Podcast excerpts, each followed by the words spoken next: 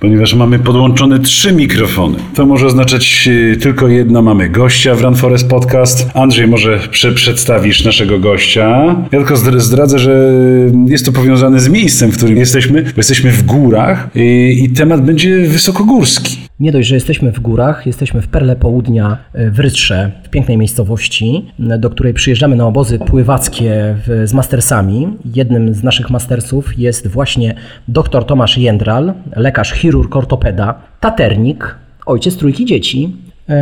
I właśnie z Tomkiem porozmawiamy o o wyprawach górskich, o organizacji tych wypraw górskich, ponieważ Tomasz jest lekarzem, który jako wolontariusz uczestniczy w różnego rodzaju wyprawach i akcjach górskich. Ale na pewno Tomasz dużo więcej opowie o sobie, no bo właśnie dlatego Tomka zaprosiliśmy do Run Forest Podcast.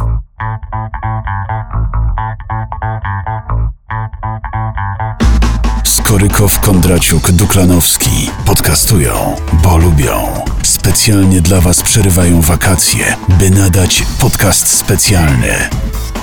Gość specjalny dr Tomasz Jędlar, chirurg ortopeda, ale także taternik, przewodnik i ratownik górski. Planujecie wyprawę w góry Kaukazu? Posłuchajcie koniecznie Run Forest Podcast. Subskrybujcie nasze kanały, aby niczego nie przegapić. Facebook, iTunes, YouTube, TuneIn Radio, Spreaker, Spotify i Instagram. Tam nas znajdziecie. Wystarczy wyszukać Run Forest Podcast. Tomek, na przykład budujesz bazy e, medyczne. Budujesz szpitale, Szpital na wysokości. Na wysokości. Dla kogo? Dobrze się złożyło, że akurat nie na ten temat rozmawiamy. Bardzo Wam dziękuję za zaproszenie, bo tak się składa, że dzisiaj jest Światowy Dzień e, Przewodników i Ratowników Górskich e, i właśnie w tym kontekście chciałbym Wam coś opowiedzieć. Jest grupa pozytywnie zakręconych ludzi, którzy na terenie Gór Kaukazu stara się pomóc e, Gruzinom odtworzyć ratownictwo górskie, które niestety zostało bardzo mocno nadszarpnięte w swojej strukturze po no, licznych działaniach wojennych, które toczyły się tam na przestrzeni końca XX wieku i początku XXI.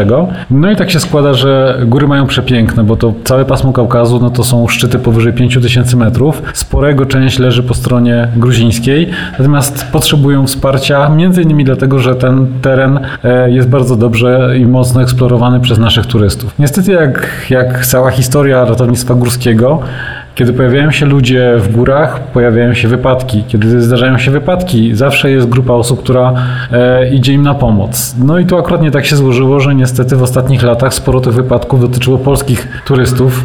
No i nasi ratownicy jadąc na poszukiwanie jechali tak naprawdę bez nadziei znalezienia już osób e, żywych, ponieważ ta akcja trwała bardzo długo, to często były miesiące od momentu zaginienia, zaginięcia. E, stąd powstał pomysł, o, żeby starać się wspomagać lokalną społeczność, a tak naprawdę na tą górę, na którą jest największe, największa jakby zainteresowanie ze strony polskich turystów, a myślę tu o Kazbeku, aby stworzyć w ogóle dyżur polskich ratowników. I tak się składa, że w tym roku to trzeci rok z rzędu, kiedy mamy możliwość możliwość przy pomocy e, ambasady w Tbilisi i konsulatu polskiego e, pełnić taki dyżur i zaangażowaniem środowisk e, górskich, bo Polskiego Związku Alpinistycznego, a także innych, no a przede wszystkim zwykłych ludzi, którzy dobrej woli, którzy są jakby wspomagają nas na wszelkich możliwych etapach realizacji tego projektu, możemy ten, ten projekt realizować. No oczywiście jest to grupa zapaleńców, która, która się zebrała, która, która wywodzi się w części z ratowników, którzy wtedy uczestniczyli w tych akcjach poszukiwawczych i to oni jakby stanowią zarzewie i, i pomysł e, stworzenia tego typu, tego typu bazy. Opiera się to wszystko o fundację Medic Rescue Team i tak naprawdę e, w tym roku po raz pierwszy mm, ruszyła pełną parą rekrutacja, która miała za zadanie stworzyć taki, taki zespół właśnie na trzy miesiące e, dyżuru, tych, te najbardziej takie oblegane, czyli lipiec, sierpień i wrzesień i rzeczywiście stacjonują tam nasi, nasi ratownicy. Dyżur jest e, od 3 do 4 tygodni. Jak wygląda taki dzień takiego ratownika na 5000 metrów? No mieszkamy troszkę niżej. Mieszkamy tak naprawdę na 3653, bo to jest obok stacji Meteo. No już się ciężko oddycha. Można się przyzwyczaić. Już, już po kilku tygodniach można można się przyzwyczaić, ale rzeczywiście jest to najwyższe miejsce, w które chodziłem do pracy, bo chodzenie do pracy na 5000 metrów to jest dosyć wysoko. Przypomnę tylko, że Mont Blanc ma w granicach 4800, więc chodziliśmy jeszcze troszkę wyżej. E, jest e, bardzo wiele osób, które potrzebowały naszej pomocy. Myśmy w przeciągu, ja w przeciągu swoich pierwszych trzech tygodni dyżuru udzieliłem ponad 70 konsultacji, także nie spodziewaliśmy się, że aż tak, tak wiele osób będzie pomagało naszego wsparcia. Z drugiej strony cieszyliśmy się, że mogliśmy te osoby obejrzeć na poziomie stacji Meteo, gdzie mamy właśnie dosyć duże zaplecze medyczne, gdzie mamy sporo sprzętu diagnostycznego, mamy sporo leków, a y, dzięki temu mogliśmy zmniejszyć do minimum nasze wyjścia e, w wysokie partie gór, no po prostu do sytuacji, których nie byliśmy w stanie przewidzieć. Wiadomo, że każde takie wyjście to jest jakieś zagrożenie dla ratowników. Czyli przepraszam, żeby doprecyzować, wy na etapie zanim mm, ten, który miał się wspinać na szczyt, mm, się wspiął, wy już byliście w stanie na tych 3650 metrach ocenić, czy on powinien iść dalej, tak? Że jeśli się do nas zgłosił, to tak. Stara, zresztą staramy się, jakby cała idea tej akcji na naszego pobytu na, na, na, tym poziomie jest nastawiona nie tylko i wyłącznie na samą akcję ratowniczą, ale także na prewencję. Zachęcamy wszystkich turystów, żeby przychodzili do nas. No, z Polakami nie ma większego problemu, bo oni chociażby z zainteresowania i ciekawości przychodzą na tak zwaną herbatę, przychodzą... Bo coś za darmo mogą dostać, kawałek chleba ze smalcem, herbatę. To troszkę inaczej działa. To my trochę działamy jak mnisi, którzy będąc tam na górze świadczymy ludziom, e, że tak powiem, dobro, a w zamian dostajemy od nich to jedzenie, którego już nie potrzebują, którego nie chcą znosić na dół, czy, czy nie potrzebują gazu. Także tak naprawdę e, cała nasza misja jest oparta na ludziach dobrej woli i na, na wzajemnym e, świadczeniu sobie jakichś tam, tak powiem, małych, małych usług i no my dbamy o ich bezpieczeństwo, o ich życie i zdrowie, natomiast... Taki handel wymienny. Turyści, którzy schodzą zostawiają to, co nie jest im potrzebne, po to, abyśmy mogli tam egzystować. Bardzo mnie to interesuje. Czy zdarzało się, że turysta czy zawodnik y, dotarł do waszej bazy, do waszego mm, punktu medycznego i ty zaleciłeś mu nie wchodzenie wyżej, czyli powrót? Czy były takie sytuacje i w jaki sposób reagowali e, zdeterminowani mm, wspinacze na, na, na taką informację, na takie zalecenie, na taką diagnozę? Staramy się z każdym rozmawiać, jakie ma plany. Prowadzimy rozmowę w ten sposób, aby to on doszedł w sumie do wniosku, że chyba jeszcze w tym momencie nie jest gotowy. Staramy się mu przedstawić zagrożenia, jakie tam czekają, zapytać o wszystkie podstawowe elementy przygotowania zarówno merytorycznego, czyli o sprzęt, który posiada, o jego doświadczenie górskie, o partnerów, z którymi się będzie poruszał, o przewodnika, o, o to, jakie ma, jakie ma przygotowanie kondycyjne, czy jest świadomy tego, że taka podróż może, taka, taka wycieczka może zająć nawet 12 12 czy 14 godzin i że też może być taka sytuacja, że gdyby się zdarzył jakiś wypadek na górze, to akcja ratownicza może być nawet 24 godziny, jak miało to miejsce w przypadku, e, gdy piorun e, poraził jednego z turystów wysoko na szczycie i nasi ratownicy nie mogli do niego dotrzeć, dlatego że pioruny tak biły, że po prostu akcja ratownicza, znaczy dotarcie było możliwe dopiero w okolicach północy i wtedy nasi ratownicy przeczekali razem z zabezpieczonym, poszkodowanym na lodowcu i dopiero rano helikopter mógł go z lodowca podjąć. Ale zdarzają się sytuacje, że helikopter nie może przylecieć, bo ta pogoda jest nielotna, jest mgła, jest śnieg i, i wtedy jest z tym trudność. No i takie sytuacje też mieliśmy niestety możliwość tak, jakby takiej, takiej sytuacji, która się zdarzyła, no i wtedy transportowaliśmy takiego pacjenta na specjalnych noszach po lodowcu do poziomu 3000 metrów, gdzie ratownicy gruzińscy nas później wspomagali specjalnymi noszami na jednym kółku, zjeżdżaliśmy do poziomu, do którego dojeżdża karetka i dalej znowu do szpitala, do, do Stepensmindy. Do... Czyli ty jako lekarz nie stacjonarny funkcjonowałeś wyłącznie w bazie, tylko również wychodziłeś po takiego delikwenta, żeby mu pomóc w sposób y, y, profesjonalny tam wyżej, tak? Tak, y, staraliśmy się umawiać z zespołami, które wychodziły e, albo na kontakt radiowy, jeśli miały własne radia. Czasami zdarzało się, że w związku z tym, że mamy własne, mieliśmy własny przemiennik, więc byliśmy w stanie ich radia analogowe zgrać z naszym cyfrowym i wtedy mieliśmy na nasłuchu, gdy była potrzeba wyjścia po takiego poszkodowanego gdzieś na lodowiec wyżej, to taką informację staraliśmy się no, jakby wysłuchać czy uzyskać i, i wtedy bywało tak, że, że wychodziliśmy po prostu e, na pewną wysokość, żeby udzielić pomocy tam, tam wyżej. Jest nas zbyt mało, żebyśmy mogli zrobić punkt wysunięty na poziomie 4500 na przykład na lodowcu. Ale myślicie o tym, tak? Myślimy o tym, jest taka, taka, taka koncepcja, żeby mieć tam rotacyjne dyżury, na przykład 48-godzinne e, w namiocie na lodowcu, bo tak jest tam stanowisko, gdzie, gdzie wiele osób stacjonuje i wtedy bylibyśmy bliżej szczytu, wtedy ta nasza droga by się znacząco skróciła, bo najwięcej wypadków tak naprawdę zdarza się w drodze powrotnej albo w obrębie lodowca, kiedy y, roztopią się już mosty lo- śnieżne i kiedy na przykład albo rozmiękną w wyniku deszczu i kiedy wpadają turyści pozornie idąc tą samą drogą, którą wcześniej przechodzili, albo już w ostatnim odcinku, kiedy przechodzą przez moreny i przez piargi, kiedy są już zmęczeni, odwodnieni e, i wtedy Rozluźnieni. rozluźnieni, zdekoncentrowani, wtedy nam się taka druga grupa, druga, druga pacjentów jakoś tam Mieliśmy okazję i przyjemność gościć jednego z ratowników medycznych, Dymitra Książkę. Rozmawialiśmy o tym zawodzie. No ten zawód wymaga niesamowitych predyspozycji. A pytanie jest następujące. Jakie cechy musi mieć człowiek, żeby uprawiać taki zawód? Żeby jechać, yy, budować bazę na pięciu tysiącach metrów? Czy to są tacy, wiesz, romantycy, którzy, wiesz, patrzą w niebo, żeby sobie zobaczyć bezchmurne niebo i tam oglądać gwiazdy, jednocześnie ratować ludzi? Czy też, nie wiem, to są samotnicy, czy to są twardziele, czy, trzeba mieć rodzinę? Czy ludzie, Jak to którzy wy- znaleźli się w momencie Dokładnie. odreagowania, chęci odreagowania. Wiesz co, myślę, że każdy z nas jest jakoś tam pozytywnie zakręcony na swój sposób. No, ja mam rodzinę, jak doskonale wiecie. E, wymagało to pewnej logistyki, żebym mógł wyjechać na trzy tygodnie, w sumie w nieznane i, i w surowe warunki, bo śpimy, mieszkamy w namiotach, e, wodę czerpiemy z lodowca, energię czerpiemy ze Po słońca. prostu naglądaliście się Bera Grylsa i przetrwać. Nie, chcę, staramy się, nie, staramy się być całkowicie niezależni, czyli budujemy jakby e, z, tak własną bazę, żeby nie być zależnym od kogokolwiek. Oczywiście wiadomo, że jak jest sytuacja taka, że pada śnieg przez bardzo długi czas, to trochę mamy trudność z nałapaniem tego słońca, e, natomiast e, korzystamy wtedy ze wsparcia e, Gruzinów, którzy mają trochę większe baterie solarne, bo całe schronisko też pracuje na, na, na bateriach solarnych i wtedy od nich tego prądu troszeczkę pożyczamy, mają po prostu większe akumulatory. Natomiast e, wiesz co, no, jest to złożone. Na pewno mieszkamy na ograniczonej przestrzeni, e, w zamkniętej grupie przez 3-4 tygodnie. Więc nie są to samotnicy, bo musimy współdziałać. Żebyśmy mogli realizować działania ratownicze, potrzebujemy utrzymać bazę w ruchu. Więc system jest mniej więcej taki, że to w sumie medyk jest tym oso- tą osobą, która odpowiada za, za zespół, która ma w jakimś stopniu nadzorować e, dobrostan całego zespołu i jego gotowość. Mamy gotowe plecaki do wyjścia, bo jeśli dotrzymujemy zgłoszenie, że trzeba wyjść, to wszystko jest gotowe i wychodzimy w Inaczej zapytam. Co najbardziej kręci w tej robocie? Wiesz co, no myślę, że to, że robisz coś, czego nie robią inni.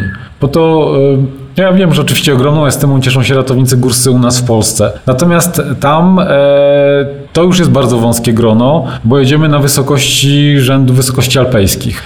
Jedziemy w miejsce, gdzie nie ma infrastruktury, gdzie w zasadzie wszystko jest na naszej głowie, jesteś oparty o siebie i ogromną wzajemność. Oczywiście Gruzini są bardzo pomocni, jeśli o to poprosisz, bardzo chętnie, ale czasami się rozbijamy o proste rzeczy, po prostu nie pozwala na coś pogoda, nie pozwala na coś warunki i tego nie jesteś w stanie przeskoczyć, więc myślę, że e, jest to jakiś tam zespół cech, które, które na pewno trzeba mieć. No wiesz, ja jestem osobą, która pierwszy raz brała udział w tego typu akcji. Stanąłem do rekrutacji, nie było taryfą ulgową dla mnie to, że jestem lekarzem, bo na razie jestem jedynym lekarzem w zespole, ale stanąłem do regularnej rekrutacji ratownika górskiego. Obaw, miałem pełno obaw, bo jestem jednym z najstarszych w zespole, w zasadzie najstarszą osobą w zespole. Nie wiedziałem, czy dam radę. Natomiast w toku rekrutacji przeprowadzono symulacje akcji ratowniczych, które miały miejsce wtedy tam w górach, czyli jest to na przykład 24 godziny transportu rannego. Jest to dyskomfort związany z tym, że śpisz w śniegu, że bytujesz tylko z tym, co masz w plecaku. Jest to dyskomfort związany z tym, że pracujesz w zespole osób, z którymi na przykład jest ci się trudniej porozumieć, bo są to Gruzini, nie rozumieją twojego języka. Musicie wypić dużo gruzińskiego wina po prostu, żeby... Co? Oni piją czacze. Czyli to jest coś jakby na w gatunku bimbru, który tak.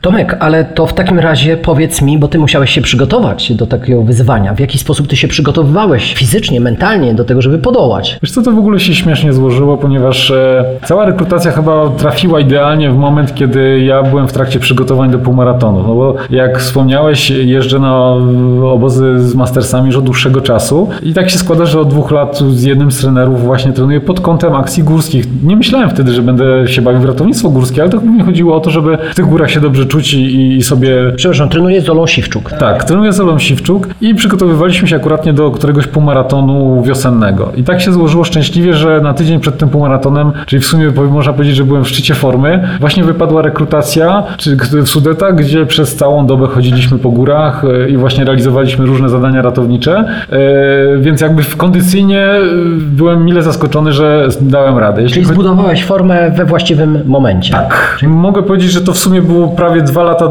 jakby budowania formy, która nie była stricte przeznaczona pod to, natomiast zbiegło się to wszystko w czasie i szczęśliwie się udało. Natomiast jeśli chodzi o stronę merytoryczną, to zawsze mnie interesowała działalność w górach w warunkach ekstremalnych. E, skończyłem studia w tym kierunku na Uniwersytecie Jagiellońskim z zakresu medycyny ekstremalnej i medycyny podróży i w zasadzie taki wyjazd na Kaukaz był dla mnie jakby kropką na D. To było ukoronowanie tej całej teoretycznej wiedzy, części praktycznej, którą ućwiczyliśmy w Polsce, bo tam mogłem zobaczyć tych pacjentów i to nie jest sytuacja taka, że ja mam wyselekcjonowaną grupę sportowców, czyli jak moi koledzy na przykład jadą pod, do bazy, gdzie wiedzą, że mają e, do opieki 10 czy iluś wspinaczy i wszyscy się znają i wiemy, że to są osoby o bardzo wysokich parametrach.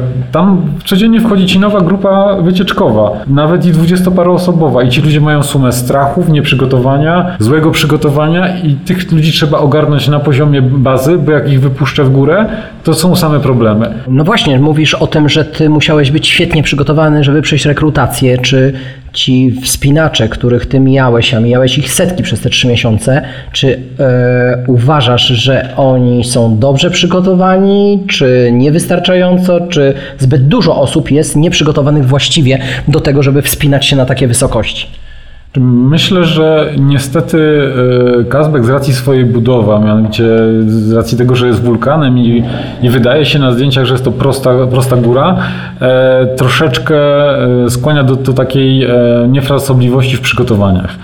E, skłania też niestety do tego, że mm, powstały swego czasu jakieś wpisy na różnych forach, gdzie osoby, prawdopodobnie mając idealne warunki pogodowe, opisywały, że w jeansach i w przysłowiowych skarpetach założonych na ręce zamiast w sandałach. Czy w sandałach. Można, można do pewnej wysokości dojść i można tą górę zdobyć i tak dalej, i tak dalej. To nie jest prawda. Trzeba ogromnej pokory, to po pierwsze. Po drugie, nie oszukamy fizjologii. Jakkolwiek byśmy, bylibyśmy dobrze przygotowani, to jeśli będziemy próbowali chodzić na skróty, to to się wcześniej czy później na nas zemści i w najmniej odpowiednim momencie może się okazać, że zaważy na, albo powodzeniu całej akcji, albo zaważy na naszym życiu czy zdrowiu. Więc e, naszą jakby też misją jest to, żeby uświadamiać, e, prowadzić akcje uświadamiające i na, na forach wszelakich, a także no, wśród samych wspinaczy czy, czy turystów, którzy wchodzą tam na górę, e, czy oni rzeczywiście są w danej chwili optymalnie przygotowani. E, inną sprawą jest oczywiście pogoda, na którą nie mamy wpływu, a, a to, że jest to pojedyncza góra generuje mnóstwo trudności w przewidywaniu tej pogody, bo jeśli jest pasmo, to jest troszeczkę łatwiej, a pogoda się potrafi zmieniać w zasadzie e, z godziny na godzinę. Od skrajności, że mamy upalne lato po stronie południowej, gdzie jest baza i mamy plus 30 stopni, a wchodzimy od strony zachodniej zachodniej czy północnej, gdzie jest podejście drogą klasyczną i odczuwalna temperatura jest minus 20, więc jakby trzeba być przygotowany na taką rozpiętość, że, że, że to się wszystko może zdarzyć.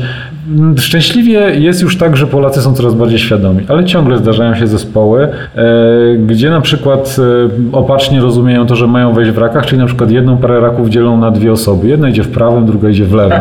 I wydaje się to kuriozalne. No ale tak jak u nas na obozach mastersów, jak nie zabiorą płetw, to jeden pływa na prawej nodze w płetwie, a drugi na lewej. Czyli tak, tylko Polacy myślę, tak mają. Konsekwencje mogą niestety być większe, bo, no bo jak akurat nie stanie taki, taka osoba tą nogą, na której nie ma raka i pośliźnie się, to... Druga nie pomoże. Druga nie pomoże, nie będzie przeproś. E, dużo się zmieniło w stosunku do poprzedniego roku, ponieważ e, sami przewodnicy sprawdzają, czy jakby szkolą swoi, swoje zespoły na lodowcu tuż obok e, stacji Meteo, dzięki czemu no, ci, te osoby nie są zaskoczone tym, że się muszą związać liną, albo nie pierwszy raz trzymają czekan w ręce, kiedy wchodzą na lodowiec, tylko mogą to spróbować wcześniej. Mogą próbować kontrolować swój upadek, hamowanie czekanem. Myślę, że to jest duży plus i to jest zasługa e, zespołu, który w ubiegłym roku to wszystko robił jakby na miejscu w bazie, prawie z wszystkimi turystami, którzy tam chodzili. Natomiast teraz ta świadomość powolutku rośnie. Coraz więcej osób też korzysta z pomocy przewodników, więc to jest też bardzo duża zaleta, no bo umówmy się,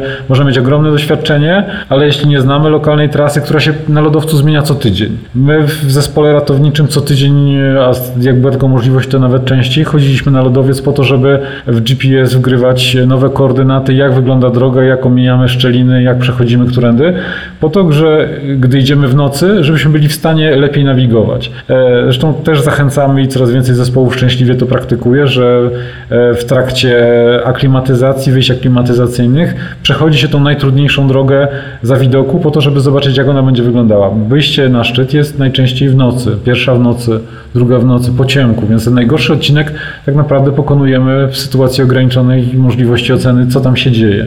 No i wystarczy, że jest wysoka temperatura, że rozmarzło i taka szczelina po prostu może się nagle otworzyć i wtedy, i wtedy nie jesteśmy zaskoczeni, że, że coś, się, coś się dzieje. No niestety była taka sytuacja w trakcie mojego dyżuru, że dwie osoby z dwóch polskich ekip wpadły do szczeliny.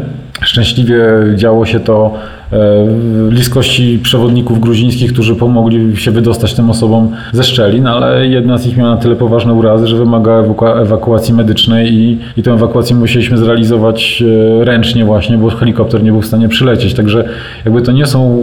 Ręcznie to znaczy na noszach? Tak. E, używamy specjalnych noszy. No, na lodowcu jest prosta sprawa, bo wszystko jest śliskie, więc my obuci wraki, a nosze no, to są takie nosze, które akurat nie mają tą zaletę, że, się da, że są wykonane z tworzywa sztucznego i dają się zwinąć w rulon, a kiedy je rozłożymy, zachowują się jak sanki. Minus jest niestety taki, że mają płaskie podłoże, więc no, trzeba kontrolować, gdzie one jadą, ale pozwalają na dosyć szybkie przemieszczanie się na tego typu ale podłoże. Wy, wy jedziecie na nartach, zwozicie jak bargiel z, Everest, z Monteverestu? Czy... Nie, nie, nie. Tam na, już o tej porze roku na lodowcu e, nie ma najczęściej śniegu w tej części, gdzie myśmy byli na poziomie 3600, czyli z poziomu, z poziomu meta, e, stacji meteo. Natomiast e, no jest lód, który, no i żeby uniknąć poślizgnięcia, musimy musimy zejść w rakach e, i zabezpieczać e, też, e, no to jest taki system, że staramy się cztery osoby jakby te nosze już skorygować ich tor. Jedna osoba jest przywiązana na stałe do noszy i trzyma czekan w ręce po to, że gdyby one na przykład się miały zsunąć, to po prostu ona musi zahamować, zdążyć wyhamować. I do podstawy lodowca zwieźliśmy poszkodowanego na tego typu noszach, natomiast tam już czekała na nas taka, taki rodzaj służby ratowniczej gruzińskiej, która, którzy właśnie panowie przyjechali takimi noszami z jednym kółkiem centralnym, bo to z kolei ułatwiało przemieszczanie się po, wąskim, po, po, po wąskich ścieżkach górskich. No i w asyście do mojej i, i kolegi jeszcze ratownika zwieźliśmy tego, tego poszkodowanego e, do poziomu, gdzie była, gdzie czekała nas karetka i wtedy karetką zjechałem z nim do, do, do lokalnego szpitala i tam koledzy doktorzy podjęli tam różne działania diagnostyczne. No okazało się, że niestety po urazie głowy pacjent wymaga dalszej diagnostyki, która nie była możliwa w lokalnym szpitalu, więc tu z pomocą przyszedł nam e, pan konsul i jakby przez poziom Ministerstwa Zdrowia uzgodnił, że karetka zostanie wysłana z Tbilisi po tego poszkodowanego i zostanie przywieziony na dalszą diagnostykę do, do jakiegoś centrum urazowego w stolicy, gdzie, gdzie tę diagnostykę wykonano. Także w sumie bez zaangażowania całej grupy osób dobrej woli, łącznie właśnie z konsulatem naszym, z ambasadą, wiele działań nie byłoby możliwych. Tak samo polscy turyści czy, czy, czy polskie zespoły, które wchodzą na górę, często pytają, co wnieść. No wiadomo, że takim deficytowym e, e, towarem zawsze jest świeży nabiał, świeże owoce, świeże warzywa, no bo najczęściej opieramy się na żywności liofilizowanej, no ale no jedzenie jej przez 3 czy 4 tygodnie e, jest pewnego rodzaju już w którymś momencie obowiązkiem, a nie, a nie przyjemnością, więc każda taka odmiana miła jest, jest, jest jak najbardziej widziana przez naszej strony dobrze, więc... No właśnie, Tomku, czy ekipy różnych narodowości wnoszą to samo, czy jednak mają swoje upodobania? Mają upodobania. Tutaj celują oczywiście Rosjanie i Ukraińcy, którzy wnoszą mnóstwo prawdziwego jedzenia, jak to mówimy, czyli wnoszą ziemniaki, cebulę, czosnek, e, wnoszą e, tak, dużo wódki, samogonu. Gotują, to też z tym się nam nie dzielą, natomiast gotują, e, gotują sami posiłki, nie opierają się prawie w ogóle na, lio, na liofilizowanym jedzeniu, ale przynoszą na przykład suszone ryby, suszone owoce. Jakby jak zdarzyło nam się, to był jeden z pierwszych pacjentów, który do nas trafił, to właśnie był Rosjanin po urazie, który wymagał jakichś tam zabiegów chirurgicznych, e, to potem odchodząc z obozu przyniesiono nam całe mnóstwo takiego właśnie jedzenia, które było inne, łącznie z tym, że to były kasze w trzech czy czterech gatunkach, że to były różnego rodzaju wędliny, że to były jeszcze inne rzeczy, więc trzeba przyznać rzeczywiście, że... Macie menu urozmaicone. Że menu jest urozmaicone. Ale rozpływasz się w menu e, rosyjskim, rozumiem, że ono ci najbardziej pasowało. Wiesz, co było najbardziej zaskakujące? Może tak. E, bardzo dużo było, znaczy no, Polacy też bardzo ciekawi ciekawe, mieli różne dania. Już najbardziej sympatyczne były takie, gdzie ktoś miał przygotowane dania na przykład przez swoją bliską osobę z rozpisanym na konkretne dni. Śniadanie to i tak tyle i tyle obliczonych kalorii, obiad tyle i tyle, albo na przykład ktoś przygotował sobie e, polską kiełbasę, którą e, wysuszył i potem jeszcze za, za, zabezpieczył w próżniowych e, opakowaniach. Więc to były oczywiście rarytasy. Natomiast no, wiadomo, że trafiały się raz na jakiś czas, ponieważ wchodząc na górę, większość zespołów ma obliczone porcje żywnościowe na czas, kiedy tam jest, plus na przykład 2-3 dni, jeśli mają taką przestrzeń i czekają na pogodę. I to jest ten nasz zysk, że na przykład udało się, że mieli okno pogodowe wcześniej, wykonali wejście na szczyt wcześniej i schodząc mogą to zostawić, albo też część zespołów traktuje wejście na przykład na Kazbek tylko i wyłącznie jako aklimatyzację przed wejściem na Elbrus, więc są w drodze. Więc oni w zasadzie mówią, że no, chętnie byśmy Was wspomogli, ale jest nam to potrzebne do dalszej działalności górskiej i, no i nie, nie możemy się z Wami tym podzielić. Natomiast no, to są jak zwykle momenty, tak plusy, plusy dodatnie, jak to kiedyś ktoś powiedział, że czym większa, czym większa penetracja jakby obozu i czym więcej jest zespołów, tym zawsze oczywiście ruch jest większy, mamy więcej pracy, ale też i większe, więcej osób zostawia nam tą żywność i mamy większy spokój o to, co, co będzie. Natomiast e, w sytuacji, kiedy jest mniejszy ruch, no to jakby też i, i mniej się dzieje, e, więcej zespołów e, jakby zostaje na górze i, i czeka na to okno pogodowe i i, ten ruch jest mniejszy. Mamy oczywiście zaprzyjaźnioną agencję górską prowadzoną przez, e, przez Polkę, przez panią Ewę Stachurę, właśnie w Stepensmindzie u, pod, u podstawy u Kazbeku i e, w razie sytuacji awaryjnych jesteśmy w łączności także radiowej, więc jeśli jest taka potrzeba, akurat nie jakaś grupa z dołu wchodzi na górę, to, to, to jakieś tam rzeczy są zawsze do, do, do przetransportowania, tym bardziej, że duże zorganizowane grupy często wynajmują konie do wnoszenia ciężkich bagaży, to wtedy mm, nie wszystkie konie jak są obłożone, możemy część bagaży, szczególnie naszych medycznych, czy uzupełnienie, prosić o, o to, żeby zostało to wniesione. Słyszę, że ekipy są super zabezpieczone pod względem żywieniowym. Powiedz mi, czy są zabezpieczone mm, na wypadek wypadku? To znaczy, chodzi mi o to, czy mają wystarczająco dobre ubezpieczenia, żeby pokryć koszty leczenia e, wypadku, który może się zdarzyć właśnie w górach. Jeśli chodzi o zespoły polskie, to rzeczywiście coraz częściej e, turyści mają ubezpieczenia albo naszego rodzimego ubezpieczyciela, czyli PZU. To jest taki specjalny program dla, e, stworzony dla ludzi aktywnych w górach, czyli bezpieczne powroty, albo korzystają z austriackiego, najczęściej austriackiego czy niemieckiego Alpenverein. I tak naprawdę jest to jakby członkostwo w Towarzystwie Alpejskim Austriackim czy Niemieckim, a jakby jego konsekwencją jest to, że mamy ubezpieczenie na działalność górską na terenie całego świata do poziomu 6000 metrów. Co prawda w Gruzji jest tak, że o ile mając dobre ubezpieczenie i jeszcze firmy mm, e, transportowe, helikopterowe już rozliczają się bezgotówkowo, o tyle jeśli trafimy do szpitala, to i tak e, dostajemy, no, potrzebujemy zapłacić, dostajemy rachunek e, i, wtedy możemy to u swojego ubezpieczyciela rozliczyć. Nie, nie rozliczają się bezgotówkowo w placówkach medycznych. Natomiast jeśli chodzi o nasze ratownictwo, jeśli mówię tutaj o ratownikach z Polski, my działamy całkowicie bezpłatnie, pro publico bono, e, nie pobieramy żadnych pieniędzy za to, staramy się świadczyć usługi na najwyższym poziomie, natomiast jest to wszystko, jest to wszystko tak powiem, za darmo.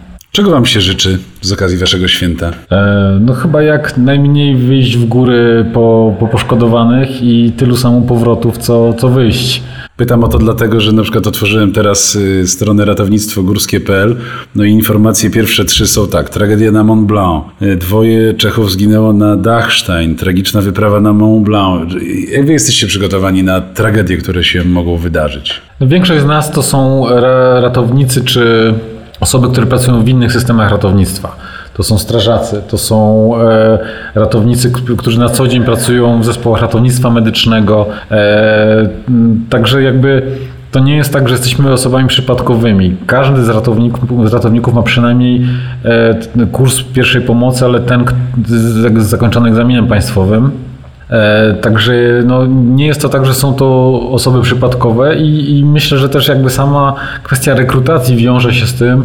Na przykład Jesteście do tego przygotowani psychologicznie, no jest to, jest to służba ochotnicza, bo jakby każdy z nas się na to decyduje, ale z drugiej strony wiemy, na co się decydujemy. Czyli to nie jest dla nas pierwszyzna, że, że, że spotykamy się z urazami, ze śmiercią, z, z osobami poszkodowanymi W sumie robimy to samo, co robimy na co dzień, tyle tylko, że w bardziej wymagających warunkach. I tu jakby te warunki determinują to, że musimy się do nich szczególnie przygotować, bo albo jest to sprzęt i, i czasem borykamy się z tym, że z racji niskich temperatur mamy trudność z elektroniką czy, czy z różnymi innymi rzeczami i wtedy się trzeba cofnąć i, i przypomnieć sobie analogowe z, narzędzia typu e, prosta latarka, czy, czy stetoskop, czy, czy ręce i doświadczenie i po prostu badaniem fizykalne. Chociaż w tej chwili koledzy już w bazie tam pod Meteo mają nawet ultrasonograf przenośny, także jakby jesteśmy przygotowani na bardzo wysokim poziomie diagnostycznym i, e, i do działania.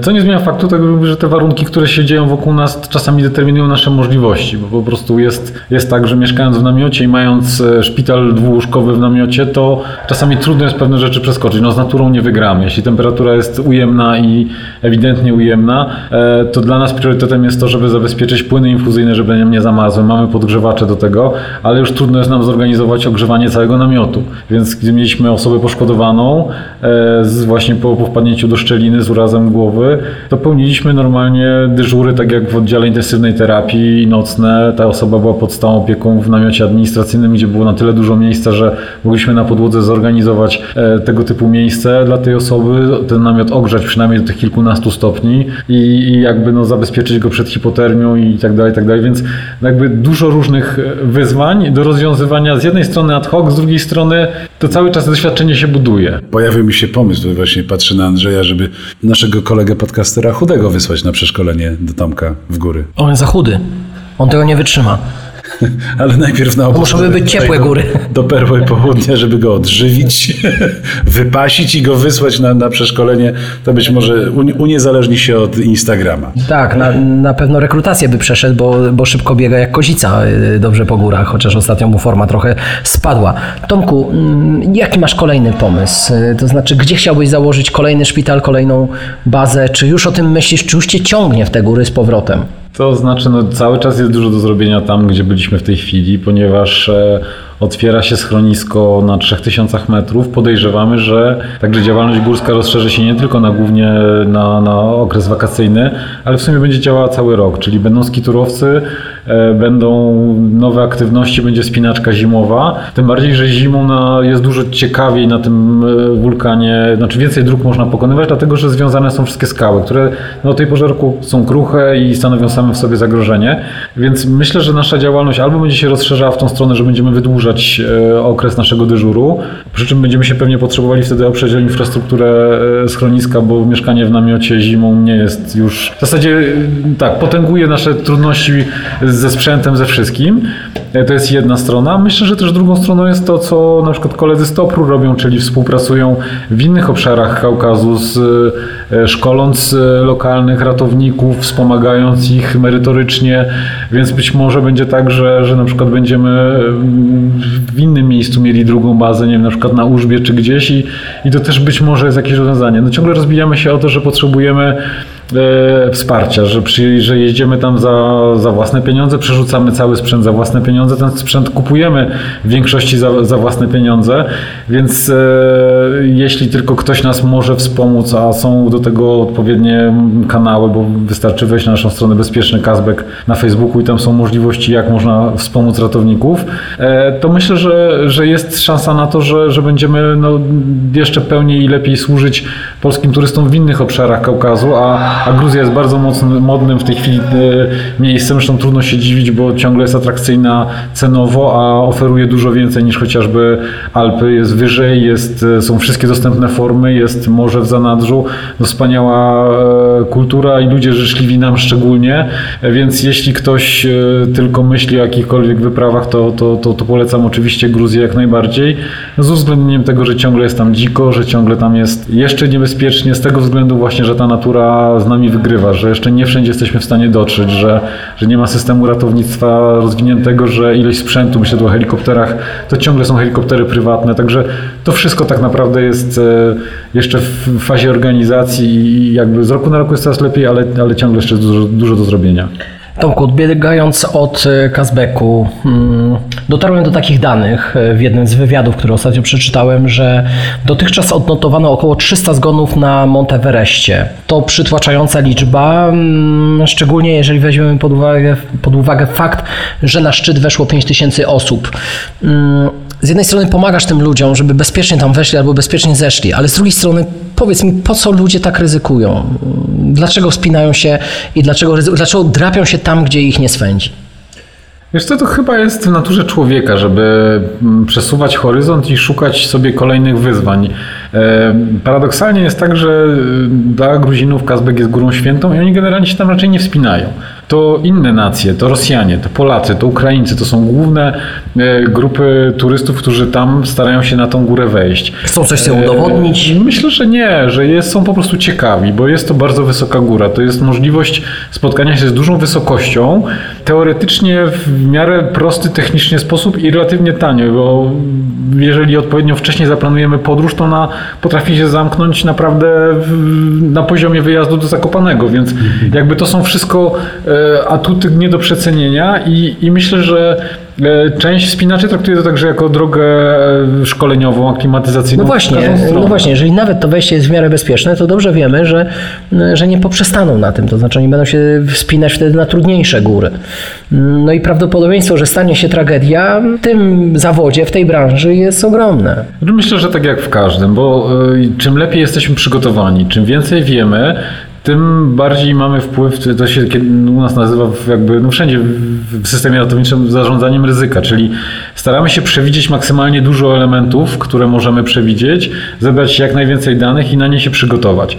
I proszę zwrócić uwagę na to, że jakby też e, minimalizujemy e, ryzyko właśnie analizując poprzednie wypadki górskie, które miały miejsce w górach wysokich i nasze zespoły w tej chwili narodowe, które wyjeżdżają, e, działają, można czasem powiedzieć, że trochę zachowawczo, ale jest w tym sporo e, właśnie tego, tej, tego zarządzania ryzykiem, bo jeżeli mamy kogoś wyszkolonego, jeśli e, przygotowaliśmy, czy, czy włożyliśmy duży wysiłek w jego przygotowanie merytoryczne, fizyczne itd., tak itd., tak to sprzęt już w tej chwili jest tym elementem, który jest do odtworzenia jest najtańszy. Ludzi nie jesteśmy w stanie otworzyć. Ten okres, gdzie straciliśmy bardzo dużą grupę Himalajstów w krótkim czasie, e, powoduje, że myślę, wyciągnęliśmy z tego wnioski i w tej chwili bardzo staramy się pilnować tego i, i, i, zwracać na to uwagę, że jest taka granica ryzyka, której nie powinniśmy przekraczać, bo zawsze ktoś w domu na nas czeka i i ta góra będzie tam stała. Jeżeli nie w tym roku, to w następnym. Jeśli nie w tym zespole, to w innym.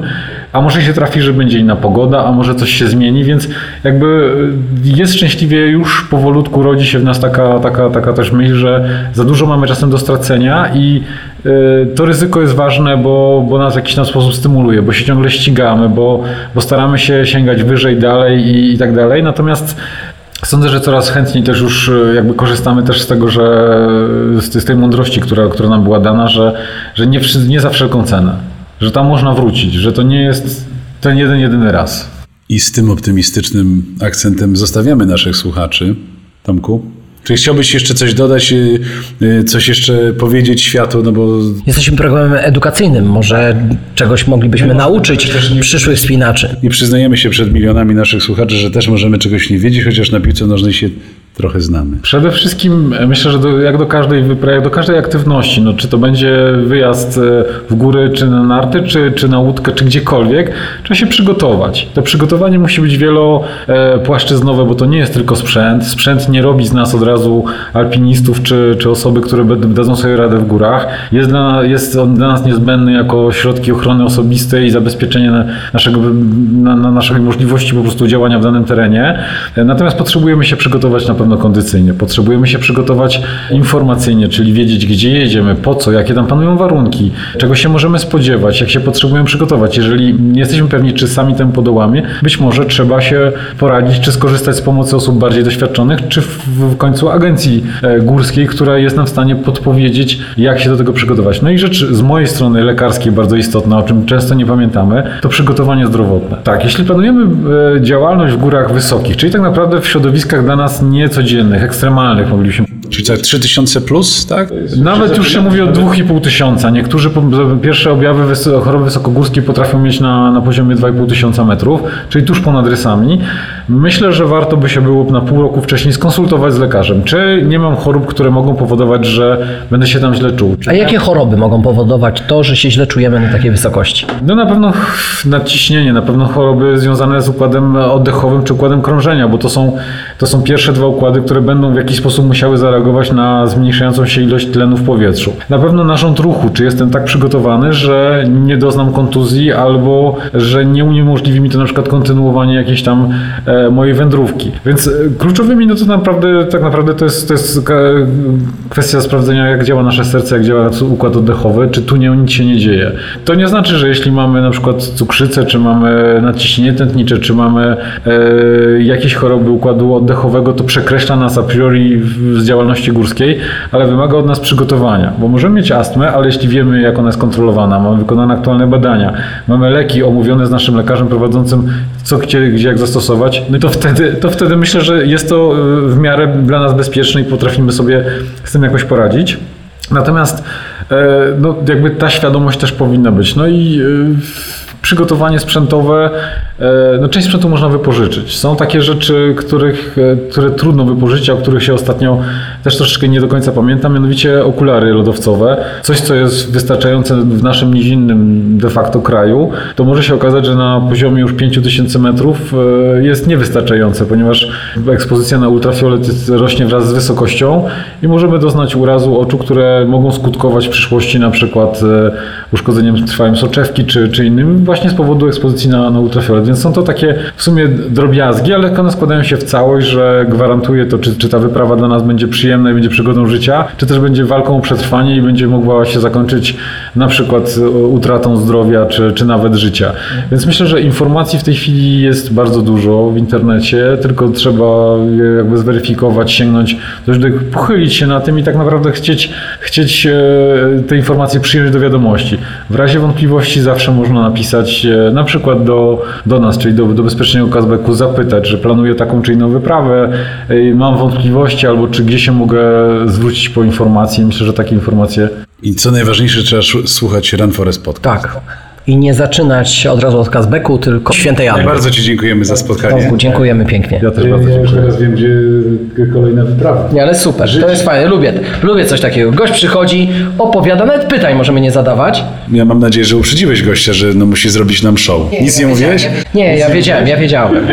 Mi na balkonie zaczął opowiadać, to już wiedziałem, że wiesz, że, że nie, że nie musimy się przygotowywać. Subskrybujcie nasze kanały, aby niczego nie przegapić. Facebook, iTunes, YouTube, TuneIn Radio, Spreaker, Spotify i Instagram. Tam nas znajdziecie. Wystarczy wyszukać Run Forest Podcast.